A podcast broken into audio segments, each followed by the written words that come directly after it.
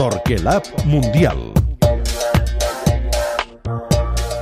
Es pot assenyalar a Bèlgica com a candidata a ser revelació perquè ha guanyat el partit, tot i que les sensacions tan bones que eren a la prèvia, diguem-ne que avui, no sé dir que han tirat una mica d'aigua al vi, eh?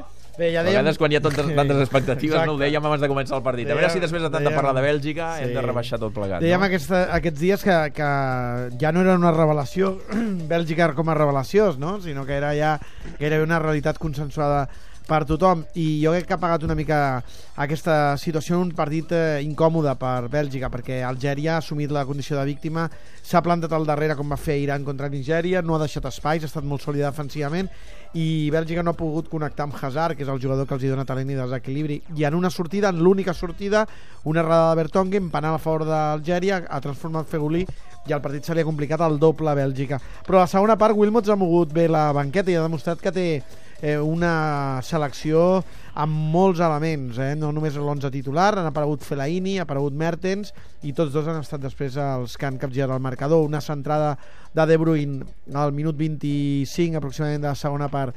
Rematada per Fellaini de cap al punt de penal, havia de jugar ja directe a Bèlgica perquè no havia trobat de manera combinativa solucions al seu atac i amb l'empat, al moment en què Algèria dubtava si sortir una mica o protegir-se, una pèrdua de pilota dels algerians en posicions avançades i una contra de llibre, la velocitat de Hazard i la rematada de Mertens ben interpretada en la superioritat numèrica per l'equip belga. Ha capgirat el marcador, ha fet una molt bona segona part, així com la primera el partit se li ha travessat, ha reaccionat molt bé a la segona part, ajudada per Wilmots i perquè l'equip ha respost bé i jo crec que s'ha tret d'un pes de sobre i també ha, ha marcat amb un rotulador la dificultat d'un campionat del món, encara que sigui una selecció emergent que jo crec que té recorregut.